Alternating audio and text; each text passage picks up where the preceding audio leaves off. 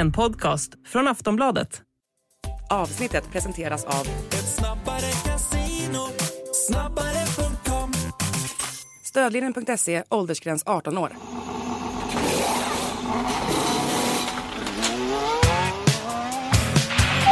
That was some fucking Viking comeback. Debris uh, behind. There's something strange with the engine. What the, what the? Yeah, what is this tractor? What is this tractor on track? Suck my balls, man. Get my gloves and steering wheel. Steering wheel. Gloves and steering wheel here. Hej och välkomna till avsnitt 98 av Plattan i mattan. Nästa vecka är avsnitt 99 och sen, Anna, har vi gjort 100 avsnitt.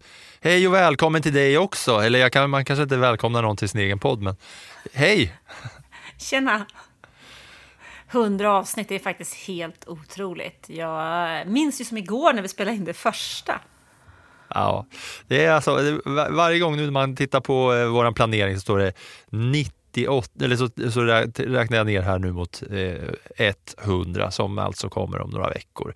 Men det här är ett avsnitt som vi ska försöka vara lite eh, dagsaktuella eller vi ska samla ihop lite för det som har, de senaste avsnitten som har varit har ju varit lite olika. Det har varit lite eh, intervjupoddar och det har varit lite Förarnas väg och lite, eh, lite annat smått och gott som, som vi har haft på eh, lager och varit sugna på att göra. Men det går inte att göra sådana grejer hela tiden under racesäsong.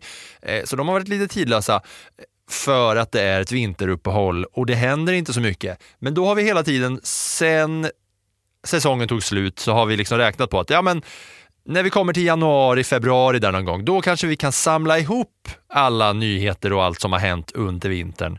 Och då är vi här idag, Anna.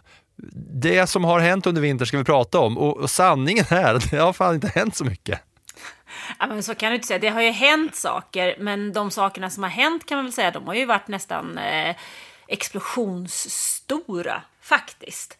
Eller i alla fall små explosioner. Det är ju det är inte mycket så här smått plock fram och tillbaks, utan vi behöver ändå diskutera en profil som lämnar F1, två team som, ja, men man kan säga nästan, är på, i alla fall de döpts om, på nyttfödda.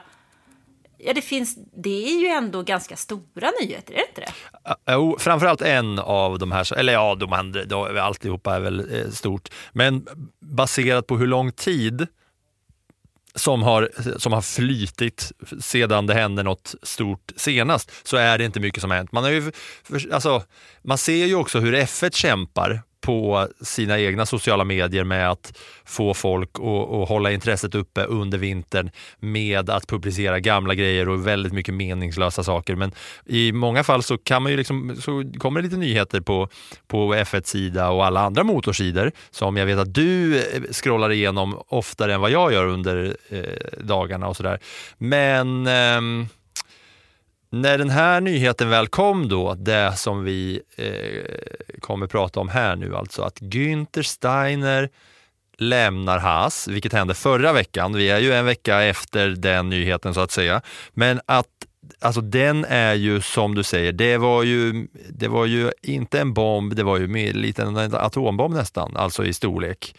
Att Günther Steiner är en av de mest populära profilerna i hela F1-griden, alla stall, alla förare och inräknat. Han är väl etta på mångas lista och en stor anledning till att Drive to Survive flög som det flög. Han fick kicken. Det var inte bara så att han lämnade, utan det var verkligen kicken. Och då eh, kan vi väl ta det från början vad som hände i Haas egentligen. Ja, eller snarare det väl, handlar väl mest om, tror jag, vad som inte har hänt hos Haas. Och Gene Haas som äger det där teamet, han vill ju se framgång. Och han vill ju se teamet eh, lite högre upp på griden, han vill se teamet ta poäng och han vill ju att eh, teamet ska plocka så pass många poäng att de får en bra placering i konstruktörsmästerskapet, vilket ger, lite, hon, ger honom lite pengar in i kassan. Men det har han ju inte fått se. Eh, istället så har han ju fått se en Günther Steiner som har tagit en enorm plats i Drive to Survive. Han har ju varit nästan den största lysande stjärnan i Drive to Survive egentligen redan sedan första säsongen. För under första säsongen så var ju varken team som Mercedes eller Ferrari med. Och då fick ju Steiner, Steiner en, en väldigt stor position och han har ju med sin personlighet behållit den platsen och har ju fått egentligen otroligt mycket tv-tid i förhållande till vad hans team har presterat sen eh, de kom till F1, även om de har gjort vissa bra resultat. Det börjar ju jäkligt bra Drive to Survive med också att eh, de är på väg mot ett sånt här drömresultat. Nu gick det så kul, nu har det gått så långt Eh, med Drive to Survive så att man tänker tillbaks på de där säsongerna, alltså när de var på väg mot drömresultat och killen med mutterpistolen inte får till eh, får till däckbytet och så går det åt helvete för båda bilarna. Det är inte bara en bil, det är två bilar. Och sen det, och sen det klassiska samtalet när han ringer till, eh, när han ringer till Gene Haas och, eh, och säger “But fifth and fourth Gene, we would uh, look like fucking rockstars. Now we look like fucking bunch of wankers.” Klassiska samtalet. It's unbelievable. The two guys putting the wheel on, they were new. Fuck. Fourth and fifth, but Gene, we finished fourth and fifth here. We fucking look like rock stars, huh? And now we are a fucking bunch of wankers. Yeah, bunch of fucking clowns here. Ja, han har haft några samtal med Gene Haas där under åren. Jag tror att Gene Haas egentligen inte har varit så här supernöjd. Och frågan är ju... Gene Haas hävdade nu i efterhand att han har skämts. Han har tyckt att resultaten har varit pinsamma.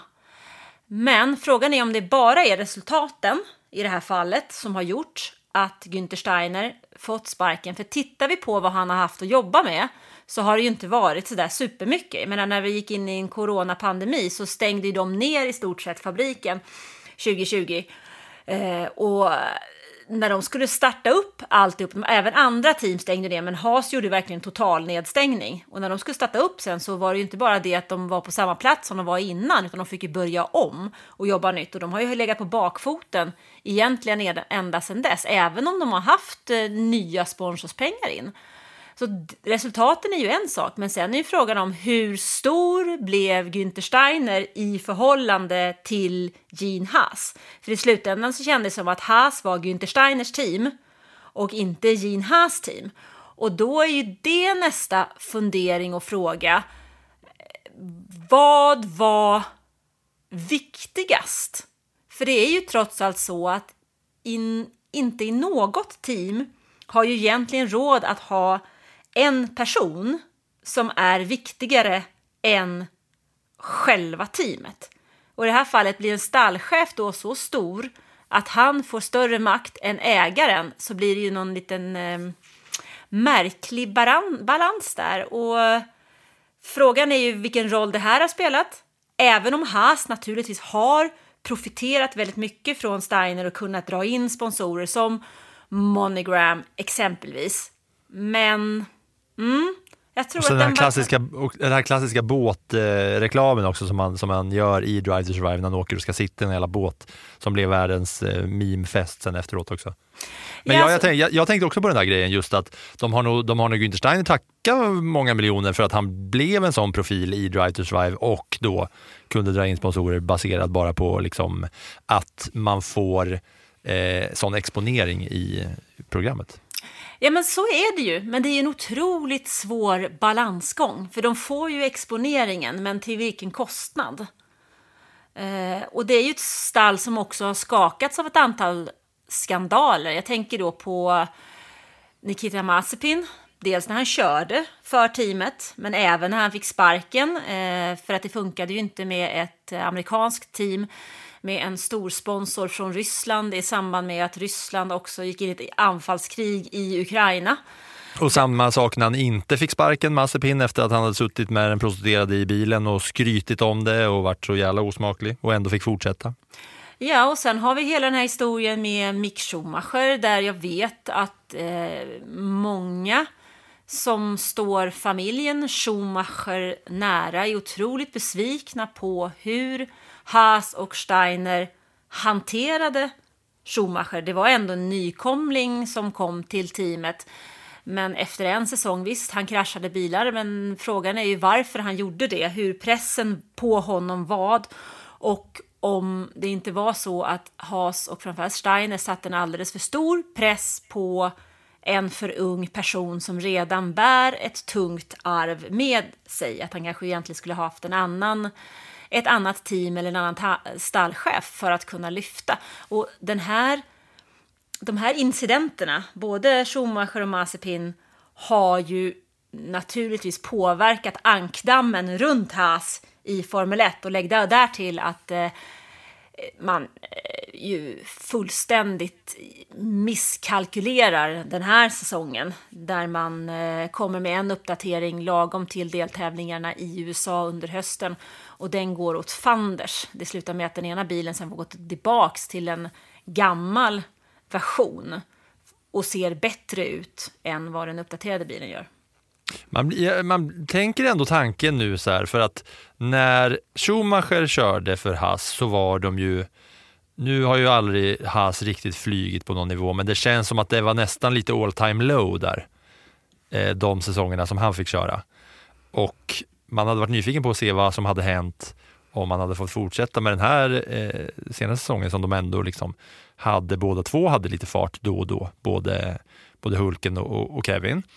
Mm, men vad händer då i Haas nu? För Günther ut och som, som jag nämnde, han, det, det kändes liksom det kändes så eh, det kändes dramatiskt. Det var inte så bara så här, ja, vi tackar Günther för tiden och nu ska han gå vidare, utan det sipprade ut så mycket så här eh, direkt efter att han, han fick inte säga hej då till fabriken utan det var bara ta dina grejer, stick. Var det liksom drama och, eh, och bråk bakom det här? Eh, eller hur, hur, eh, hur gick själva avskedet till? Han fick ett telefonsamtal mellan jul och nyår från Gene Haas som talade om att han inte längre var önskad i teamet. Yeah, it was a phone call from Gene Haas to me. Uh, I, I was in Italy uh, on my Christmas break, and he called me up between Christmas and New Year. And, and your relationship with him now, I mean, that, that's what people assume, you know, maybe it had gone sour over the past season or so. How, how, would, you, how would you sum it up? Oh, I, would say he was not discontent, and uh, in the end, uh, he owns the team, uh, and he can make this decision. And uh, you know, uh, I have to respect that, and uh, obviously I, I do. So, uh, but uh, I, I think it was ten years, and it was okay. You know, if, if he doesn't want to continue with me, he's free to do that.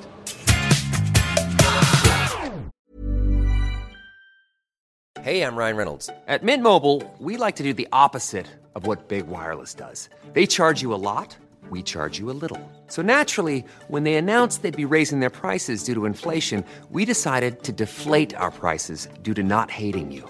That's right. We're cutting the price of Mint Unlimited from $30 a month to just $15 a month. Give it a try at mintmobile.com slash switch.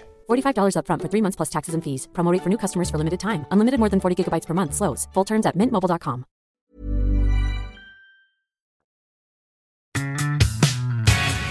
I, I, I would say uh, what is a fair assessment is uh, uh, when you look at the other teams where they are going since the budget cap came in place. You know, a lot of people, a lot of teams, all of the teams invested in the infrastructure, uh, and they invest in it. Uh, uh, therefore, it's not spending money; it's investing to to, to use the uh, the budget cap, the operational budget cap, uh, uh, at its best as possible. You know that you can put money in to make the car go quick. And uh, some people started uh, straight away in 2020, 2021. Some people started last year, but uh, everybody's doing it. And uh, uh, uh, I think that was uh, one of the things I look at the other ones and uh, suggest what, uh, what what needs and should be done. Avgångsvederlag, fallskärm. Det kan jag inte gå in på för det vet jag faktiskt inte. Men eh, jag vet ju inte hur kontraktet såg ut, hur många års kontrakt han hade, hur många år han hade kvar på kontraktet. Men Günther Steiner har varit i Haas sedan 2014, alltså innan Haas kom till Formel 1, vilket man gjorde 2016. Det är ett team som debuterade 2016 och faktiskt tog en sjätteplats i karriärens första race. Eh, och mm, någonstans 2018, alltså innan pandemi och alltihopa, efter det att man hade kört två säsonger i F1 så var Haas ändå femma i konstruktörsmästerskapet. Så att han har ju gjort väldigt, väldigt mycket. Så att ett, ett samtal, tack och hej, är väl kanske lite hårt. Å andra sidan så förstår man ju att business är business. Och Gene Haas vill ju ha en helt annan inriktning på sitt team. För det ser man ju när man också tittar på vem det är som är ny stallchef. Bra, för det var precis dit jag ville komma. Och med reservation för uttalet så är det alltså Ayao Komatsu som kommer in. Det är en Och- japan. Ja, jag tänkte precis säga att det var en japan som man kanske skulle kunna lista ut på namnet. Ja, nej men han kommer från Japan. Eh, han har utbildat sig i England. Han har jobbat inom Formel 1 väldigt, väldigt länge. Och vi som har följt Formel 1 länge har ju sett honom. Därför att han hade under en eh, lång tid så var han nämligen eh, typ raceingenjör i Renault. Han jobbade länge med bland annat Romain Grosjean och Vitali Petrov. Och det var till och med så att han gick till HAS som eh, bihang höll jag på att säga. Men han var alltså den eh, trackside engineering director som eh, han jobbade med Grosjean hos Renault och fick den rollen sen hos Haas. Så han värvades med Grosjean och har sen stannat hos Haas och har ju en gedigen ingenjörsutbildning och har verkligen jobbat på banan med eh, med förarna under race på ett sätt som eh, Günther Steiner aldrig har gjort, som ju kanske har en annan inriktning som är mer som typ manager i sitt sätt att arbeta. Så man har väl gjort ett, ja, ett byte här helt enkelt. Ja, det blir ju lite en annan, en annan inriktning, men det är en kille som kan teamet, det är en kille som eh, känner alla i, eh, i staben, han vet hur det funkar, han har varit med och han har ju också liksom varit på det race-tekniska, kanske man ska säga, det har väl Günther också, men, men som du säger, på ett helt annat sätt. Eh, så han är ju ingen nykomling. Definitivt inte. Han är, vad kan han vara? Han är 47-48 år någonstans och har ju ägnat hela sin yrkeskarriär egentligen åt eh, Formel 1. Eh, ska det här bytet då betyda att man borde förvänta sig mer av Haas då? Att det här, eh, det här ska liksom påverka sportsligt på något sätt som man borde förvänta sig? Att det är någon nysatsning eller är det att eh, de liksom är det att man demonterar eh, och så här skalar ner på löneposter? Eller hur, hur, ska man, hur ska man gå in i 2024 med Ayao Komatsu? Alltså tanken från hans sida är väl att man vill ju ha en uppryckning i resultatlistan. Sen är det ju en person som har funnits i teamet, vilket gör att han kan teamet, han kan eh, förarna, han kan bilen. Men han jobbar ju ändå med samma material som han har jobbat med tidigare. Det är ju ändå så att pengar har en enormt stor betydelse inom F1. Så att vi får väl se vilka förutsättningar han får att jobba och sen har han väl en annan ledarstil och då är ju frågan om den ledarstilen kan få förarna att växa. Men samtidigt så har han två väldigt erfarna förare. Jag tror inte att de är i behov av samma eh, ledarstöttning som teamet var under den tiden som då Mazepin och Schumacher körde som var betydligt yngre. Det är ju två alltså, riktigt erfarna förare i Nico Hülkenberg och eh, Kevin Magnussen. Så att här blir det väl mer viktigt att se till att man klarar av att utveckla den här bilen så att den, den eh, inte bara lyckas i Australien, där den ofta har lyckats, utan att den klarar av att prestera på fler banor under en längre del av säsongen så att den faktiskt kan utmana team som eh, Alfa Romeo. Vi kanske ska börja titta där, kan jag känna. Ja, vi, vi ska väl kanske ditåt. Men vad händer med Günther då? Vart, vart, kommer han? Han kan väl inte bara försvinna? Han eh, säger ju att han ska fundera över sin framtid och se vilka bra erbjudanden som dyker upp. Så att vi får Ja. väl se. Han är ju en omtyckt person i eh, F1-depån, så det är väl frågan om vem som vågar ha honom Ja, i teamet. och då, och då är det ju så här också, att om man tittar då på eh, alla teamchefer så är det ju inte så att det känns som att det kommer öppnas upp några platser precis. För när man ser över då hela teamchefsfältet så har i princip alla börjat sina jobb 2023 eller då 2024, förutom Horner och Toto i sina alltså, nuvarande roller då. Ja, men- Eller hur? Ja, Mike Crack i Aston Ja, Martin, Crack. han startar 2022. Men sen 2022 så har åtta team bytt sina teamchefer. Sen har ju Toto Wolff då suttit sen 2013 och han har nyligen skrivit på ett nytt kontrakt fram till 2026.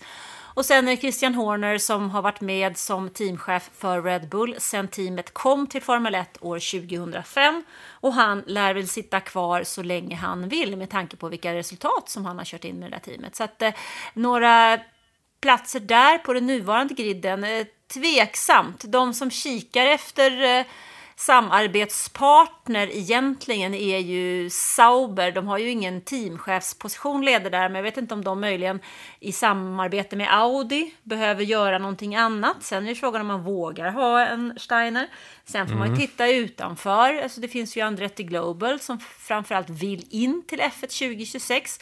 Och är det någonting som han faktiskt har lyckats med, herr Steiner, så är det ju att föra in ett team i F1 och faktiskt, som jag sa tidigare, ta poäng i sitt första race och dessutom göra resultat under första säsongerna. Och om Andretti ska in så är det ju så att han redan har en amerikansk publik också, kanske Günther Steiner, baserat på sin historia med Haas. Om man bara får svinga vilt och gissa lite. Men det får du väl göra, det är väl det, det, är väl det du gör. Det är det, det är det jag är här för. Det är det som är min roll i det här sammanhanget. Ja, eh, och sen är det ju då, men ja, jag vet inte om det är något mer att säga om de här teamcheferna, men just när man tittar på det, det, det kan ju vara något team som liksom, eh, det kanske går ruttet för någon av de här nya cheferna. Nu, de flesta har ju varit med i gamet länge, men eh, några av dem har liksom varit på sina eh, tjänster under kort tid i sin nuvarande format. Att skulle det gå riktigt, riktigt ruttet för något team så är det ju inte så att det är en eller det är ju en hänsynslös bransch, fick ju Otmar Safnauer uppleva förra året som eh, bara från ena dagen fick tack och hej från alpin. Och det är ju också ett intressant namn, för det är ju en väldigt erfaren eh, teamchef, eh, just Ottmar Safnauer. Han har inte heller någon plats än så länge på griden och frågan är ju när och om han kommer tillbaks. För han har ju Ja, också ovärderliga kunskaper. Ja, jag tänkte precis det. Det känns som att han nästan egentligen är ett hetare namn rent sportsligt än vad Günther kanske borde vara. Eh, sådär. Men okej, då har vi alltså Ayao Komatsu, eh, ny i Haas. Sen är det Laurent Mekis i det då som vi kommer till nu. Teamet som hette Alfa Tauri, men som inte heter Alfa Tauri längre. För att efter mycket tissel och tassel så verkar det som att Alfa Tauri nu ska heta Visa Cash App Racing Bulls och inget annat. Ja, men det är ju så sjukt. Det sjukaste var ju egentligen hur den här eh, storyn kom ut. Alltså det är en miss i sociala medier, att man har liksom registrerat någon form av webbsida och så lyckats få ut det på sociala medier. Det pratades ju om redan, Racing Bulls har det pratats om länge, för att man vill ju knyta Alfa Tauri närmare Red Bull för att kunna dra det teamet eh, med Red Bulls kunskaper inom de regler som FIA tillåter. Men... Alltså, jag vet inte vad jag ska säga. Jag tycker det är helt sanslöst. Eh, Alltså, jag, Visa Cash App Racing Bulls. Det är ju i princip som om de skulle heta Swish, Visa Swish eller Swedbank Swish eller Mastercard Amex Express. alltså Klar, ja. Klarna AB Racing Ja, Bulls. Alltså, det låter väl inte så sjukt kanske. Det, det kanske inte är så himla långt bort. Eh, ändå. För att allt, sånt- allt sånt här brukar ju ramla in på svensk nivå. Senast så fick vi ju se Strawberry Arena eh, från Friends Arena till Strawberry Arena här i Sverige. Något som man också kanske skrattar mycket åt. Men det känns som att vi lever i en tid av företagsnamn som inte bryr sig ett dugg om sporten utan bara ska in med sitt namn till vilket pris och där sporten är i sånt stort behov av pengar som de här stora företagen har, vilket gör att Visa Cash App Racing Bulls inte behöver bry sig någonting om hur mottagandet blir. För så jag- är det nu. De ska heta Visa Cash App Racing Bulls. Ja, det sägs så. Jag kommer i alla fall inte skriva hela den...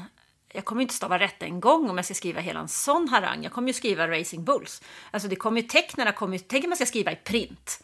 Bara en sån sak. Motorsidan går fortfarande i print. Det innebär ju att där har jag ett antal tecken som jag kan skriva. För sen tar pappret slut. Det går inte att skriva hur mycket som helst för det får inte plats. Då måste man ju korta ner saker. Inte 17 Nej, du, måste kommer skri- jag... du måste skriva Visa, eh, visa Cash App Racing Bulls varje gång som du ska nämna dem. Nej, nej, nej, nej, för då får jag ju inte plats att skriva något annat. Så ska jag skriva det här, det kommer ju bli... Det går ju inte. Det Nej. blir ju ett skämt. Och jag kommer Ja. inte sitta och rapa det här heller, utan det får ju bli Racing Bulls eller, eller Småtjurarna. Vi kör en egen version tycker jag. Ja, men jag tycker små, småtjurarna tycker jag alltid har funkat. Eh, och jag har inte hört någon annan säga det, men det är väl klart att det är någon annan som kör på det också. Men jag är ändå lite rakryggad i att vi var tidiga på eh, småtjurarna. Eh, och stortjurarna och småtjurarna, eh, det är klart att det är andra såklart som har sagt allt det där före och en miljard gånger mer. Men det känns som att det kommer fortsätta i alla fall. Det började med att det började liksom läcka ut lite om att Red Bull hade registrerat, det var inte sociala mediesidan, utan det började med att någon hade upptäckt att domänen, alltså när man kan köpa domäner, man kan köpa liksom eh, URL-adresser, alltså de här www. någonting, någonting. Eh, att någon hade registrerat domänen visacashapp.rb.com. Och då kunde man ju lista ut vartåt det barkade för att man hade hört olika rapporter om det. Och sen så ändrade de sitt namn på sociala medier till det.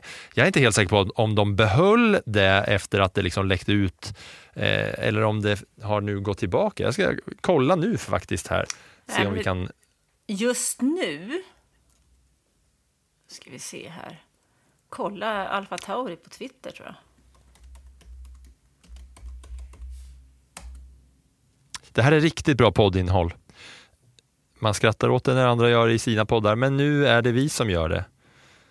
Eh, hur går det för dig? De- du kollar på Twitter. Där, het, där heter de faktiskt Scuderia Alfa Tauri på Twitter. Och där heter de just nu, så är webbadressen alfataurif1.com. Men det var den inte för några dagar sedan när jag Nej. såg den första gången. För då var det den här eh, visacashapp.com eller vad sjutton det var. För det var en helt annan. För jag tänkte, jag snurrade till, för jag skulle faktiskt leta efter, jag sitter och gör en F1-bibel. Ja. Eh, och då skulle jag leta efter någonting. Så gick jag in på Twitter för att kolla vad det nu var som jag inte kommer ihåg. Och så skulle jag gå vidare och då reagerade jag. tänkte, vad är detta? Mm. Och Det är just det som är lite speciellt med hela den här grejen. Att det först hette på ett sätt och sen hette det inte så längre. Och nu är det faktiskt borta.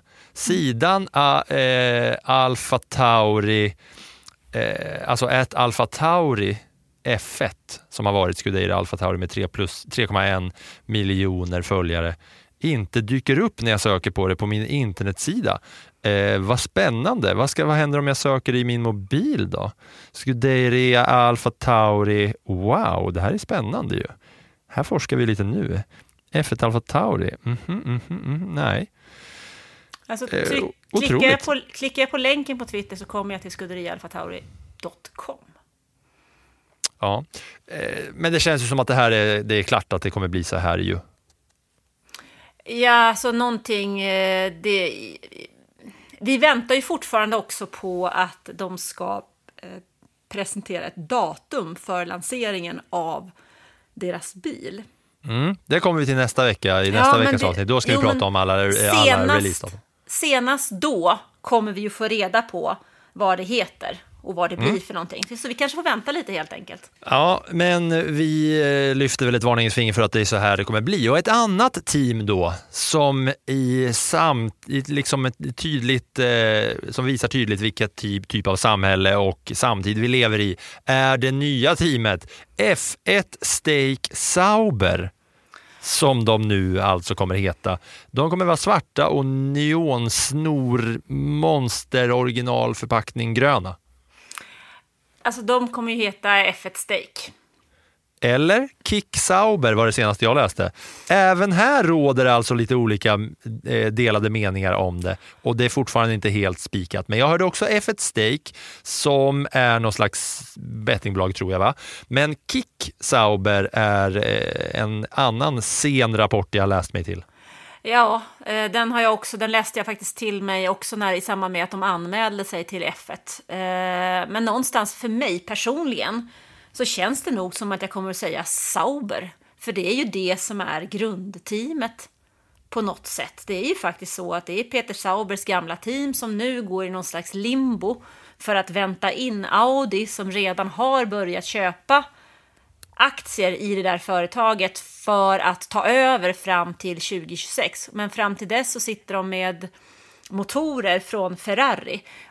Så de, de går ju verkligen i limbo. Jag vet inte riktigt hur de ska klara den här balansgången. Det känns som att det är någon slags överlevnadsfokus nu på att ta sig mot 2026. Så därför när vi pratade Haas tidigare så känns det ju som att är det något team de rimligtvis skulle kunna peta ner så är det ju det teamet som inte riktigt vet vilket ben de ska stå på. Mm. Och det är väl inte så här att eh, Stake då, som eh, i dess rätta då bemärkelse är ett bettingbolag helt enkelt, kas online kasino och bettingbolag, eh, där man, eh, ja, det, ja, det gamla vanliga, eh, de har väl inte ett långårigt kontrakt i och med att det här teamet ska bli Audi och sådär. Så att det, det är väl bara en liten fluga i något år kanske.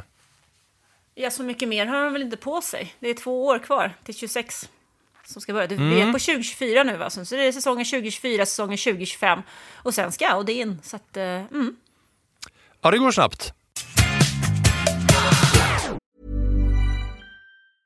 Hey, I'm Ryan Reynolds. Recently, I asked Mint Mobile's legal team if big wireless companies are allowed to raise prices due to inflation. They said yes. And then when I asked if raising prices technically violates those onerous two year contracts, they said, What the f are you talking about, you insane Hollywood ass? F- So to recap, we're cutting the price of Mint Unlimited from $30 a month to just $15 a month. Give it a try at mintmobile.com slash switch. $45 upfront for three months plus taxes and fees. Promo rate for new customers for limited time. Unlimited more than 40 gigabytes per month. Slows. Full terms at mintmobile.com.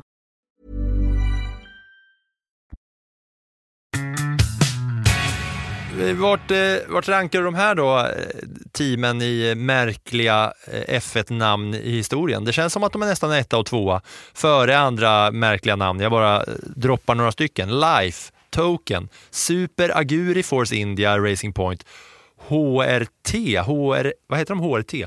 HRT, Eh, och Trojan, några team med också annorlunda namn. Men det här slår väl alla rekord va? Ja, det som är med, med småtjurarna där det är ju att det är så otroligt långt. Ju Falcon s- alkoholfri arena. Ja, man hinner ju somna innan man kommer till sista bokstaven. Mm. Ja, men så eh, ligger det till i alla fall. Och mer än så, sam, alltså, det är ju klart att förare har säkert gjort någon intervju här och där och Max Verstappen och några har kört lite online-racing och, och kört några 24 timmars eh, e-sportsmästerskap.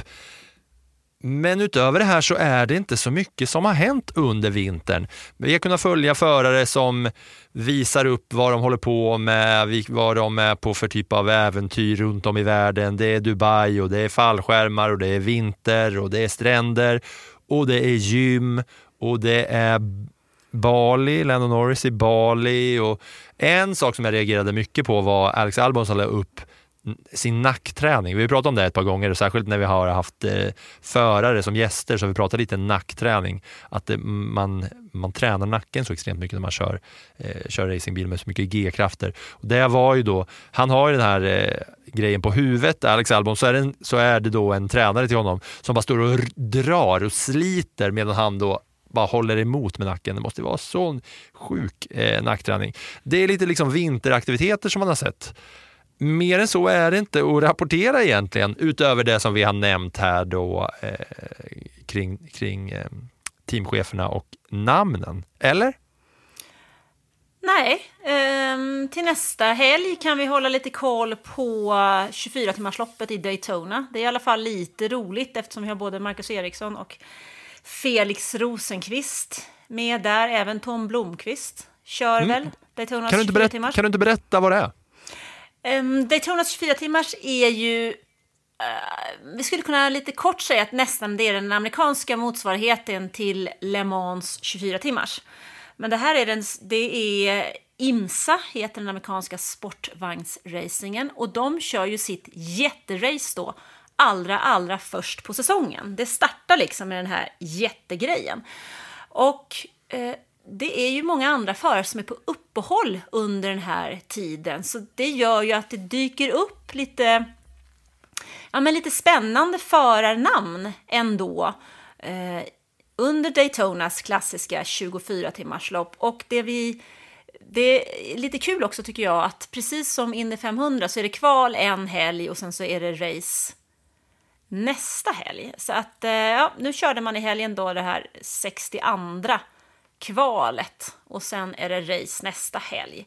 Sen eh, kanske det inte är det som drar de största rubrikerna, men har man ändå inget annat att kolla på framåt helgen som kommer så kan man ju alltid eh, slå ett öga på vad som händer, för där är ändå förare som ja, Eriksson, eh, Rosenqvist, Blomqvist, Filippe Nasser, Josef Newgarden, Jenson Button tror jag med. Nu har jag inga resultat framför mig, men eh, det brukar vara lite kul killar i alla fall. Mm. Något annat som eh, kördes, eh, har körts under vintern i samband med att vi hade vårt avsnitt med Tina Turner som vi smackade ut. Det var jäkligt roligt att, att tumla runt med henne eh, och låta henne köra på. Det var ju att det var en Carlos Sainz som körde Dakar. Ja, pappas, pappa Sainz vann ju dessutom Rally Dakar och han fick ju god hjälp av Mattias Ekström och Emil Bergqvist som faktiskt låg med i täten väldigt länge innan deras bil gav upp. Så sen fick de spela hjälpryttare då till sin teamkompis hos eh, Audi, det vill säga pappa Sainz. Och Anisil, The original. Ja, precis. Så är det väl. Och sen så var ju Anisil också där um, och uh, körde. Och hon tog en uh, topp 20-placering och vann damklassen. Mm. Det, är ju, eh, det, man blev, det var ju lite kul bara att hålla koll på eftersom att vi hade snackat med Tina Turner men det där blir ju inte riktigt vad det var på hennes tid. Och det gick vi igenom det där avsnittet. Så är ni, har ni kikat in nu och inte följer oss vecka ut och vecka in så eh, det där tyckte jag var ett roligt samtal i alla fall att ha med, med Tina Turner. Jag tycker alla gästsamtal är roliga. Vi har något mer innan säsongen kommer eh, som, som kommer komma ut här. Men det närmar sig ändå. Vi, vi är inne på, när det här avsnittet kommer, 24 januari och F1-säsongen är då alltså bara, eh, första racet är 3 mars va? Andra Något mars. sånt. Andra mars. Mm, för Och- säsongen och- börjar med två lördagslopp nämligen. Ja, så det är en månad och lite till kvar. Va, eh, har du något stort eh, fram tills dess, Anna? Alltså jag lägger ju väldigt mycket tid nu på vår F1-bibel som kommer ut precis som i fjol. Den var ju väldigt omtyckt så det fick vi göra om. Så den kommer ju ut här inför säsongstarten. Och här sitter jag med förra årets bibel precis. Den ligger i poddstudion här, Mm. där jag sitter på Aftonbladet.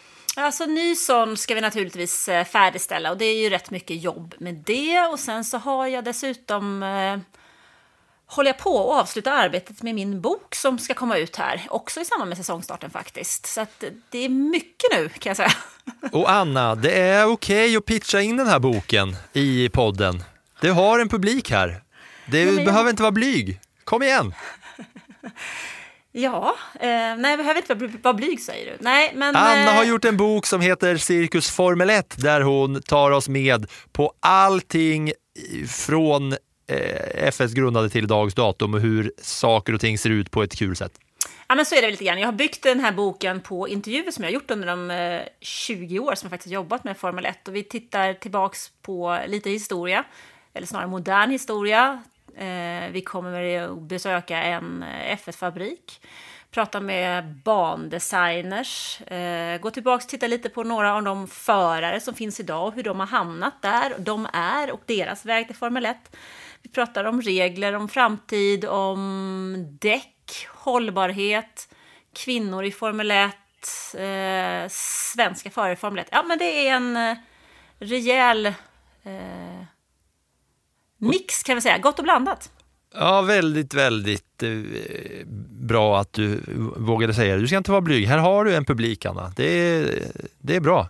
Man, man gör en, eh, heter det pitch? Eller man brukar alltså, vill sälja in någonting? Och kommer jag ihåg att det var någon podd som alltid hade när de hade in, intervjupersoner. Men eh, när det då närmar sig, vill du berätta vilket datum den här boken ska komma eller något liknande? Eller hur man får tag på den kanske? Alltså redan nu kan man faktiskt beställa den. Eh, man går in i F1-bloggen så ligger en länk där så man kan beställa ett signerat ex om man vill det. Sen kommer den den eh, 6 mars kan den släppas. Så fram till dess har jag lite att göra. Den ska korras och så ska det läsas in en ljudbok också. Dubbelpitchen, dubbelpitchen, gå in på bloggen för att köpa boken. Ja, men där ligger en länk så kommer man rakt in. Men den finns Ja, ju och- på flera ställen också. Men det är nog det- det enklaste. Det är bara inte uppmanar vi till att göra utan vi rekommenderar till att göra det. Jag själv är taggad på att få med ett signat exemplar. Det ser jag fram emot när det väl ges möjlighet. Inför Formel 1-säsongen så kommer det väl dyka upp eh, något mer i, eh, avsnitt. Vi, vi har ett specialjubileumsavsnitt som kommer på avsnitt 100 och eh, sen så börjar det snart bli dags att snacka upp säsongen. Men vi måste ju vänta in ännu mer nyheter för att ha något att snacka om. Men det är väl nu vi lever i en tid där det kommer börja sippra ut saker och ting från februari och framåt va? Ja, men det känns så. Det brukar vara så. De nya bilarna dyker upp i början av februari och under ungefär två veckor. Så då kommer det att bli rätt tajt alltså. Då händer det Mm. grejer. Nästa vecka så ska vi berätta om alla nya eh, lanseringsdatum av de nya bilarna och då kommer man att se hur de ser ut. Blir det Visa Cash App Racing Bulls eller blir det något annat? Blir det Stake F1 eller blir det Kick eller blir det något annat? Vi får väl se. Heter Red Bull Red Bull när säsongen väl är här? Eller ska de också byta namn till något helt annat? Det tror vi väl inte, men det kommer ni få höra nästa vecka och tills dess så eh, får ni väl må gott då. Jag får väl uppmana folk till att eh, om man är lite intresserad av hockey så är jag från och med idag, alltså när podden kommer ut, iväg på hockeyresa med Marcus Leifby och Jimmy Wikström. Och på fredag så ska jag spela en hockeymatch med Sveriges sämsta hockeylag som har 350 minus i målskillnad efter 14 matcher. Så vi ska på en liten hockeyresa runt om i Sverige där vi ska hänga med eh, lite goda hockeyprofiler och allt avslutas med ett tv-program där jag spelar en match med Sveriges sämsta hockeylag. Det eh, rekommenderar jag den som är hockeyintresserad att kika in på Hockeyresan på Sportbladet. Det blir lite spännande att se om du platsar där, Filip. Ja, jag är väldigt nyfiken på hur det där ska gå. Just att de är Sveriges sämsta. Jag har ju ändå spelat hockey. Jag är mycket spänd och nyfiken. Jag vet inte mycket mer än så, mer än att jag är registrerad för det. Det kanske är hemligt det här egentligen, men då blir det podd exklusivt för eh, Plattan i mattan-lyssnarna. Nu har ju jag spårat ur för mycket eftersom att det här är en F1-podd, så jag tackar bara för att ni har lyssnat och jag tackar dig Anna. Hej, tack. Tack och hej. Må gott. That was some fucking Viking comeback. Debris uh, behind. There's something strange with the engine. And you've a new pet after that. What the, what the? Yeah, what is this tractor? What is this tractor on track? Check my Bolton. Get my claps and steering wheel. Steering wheel. Claps and steering wheel here.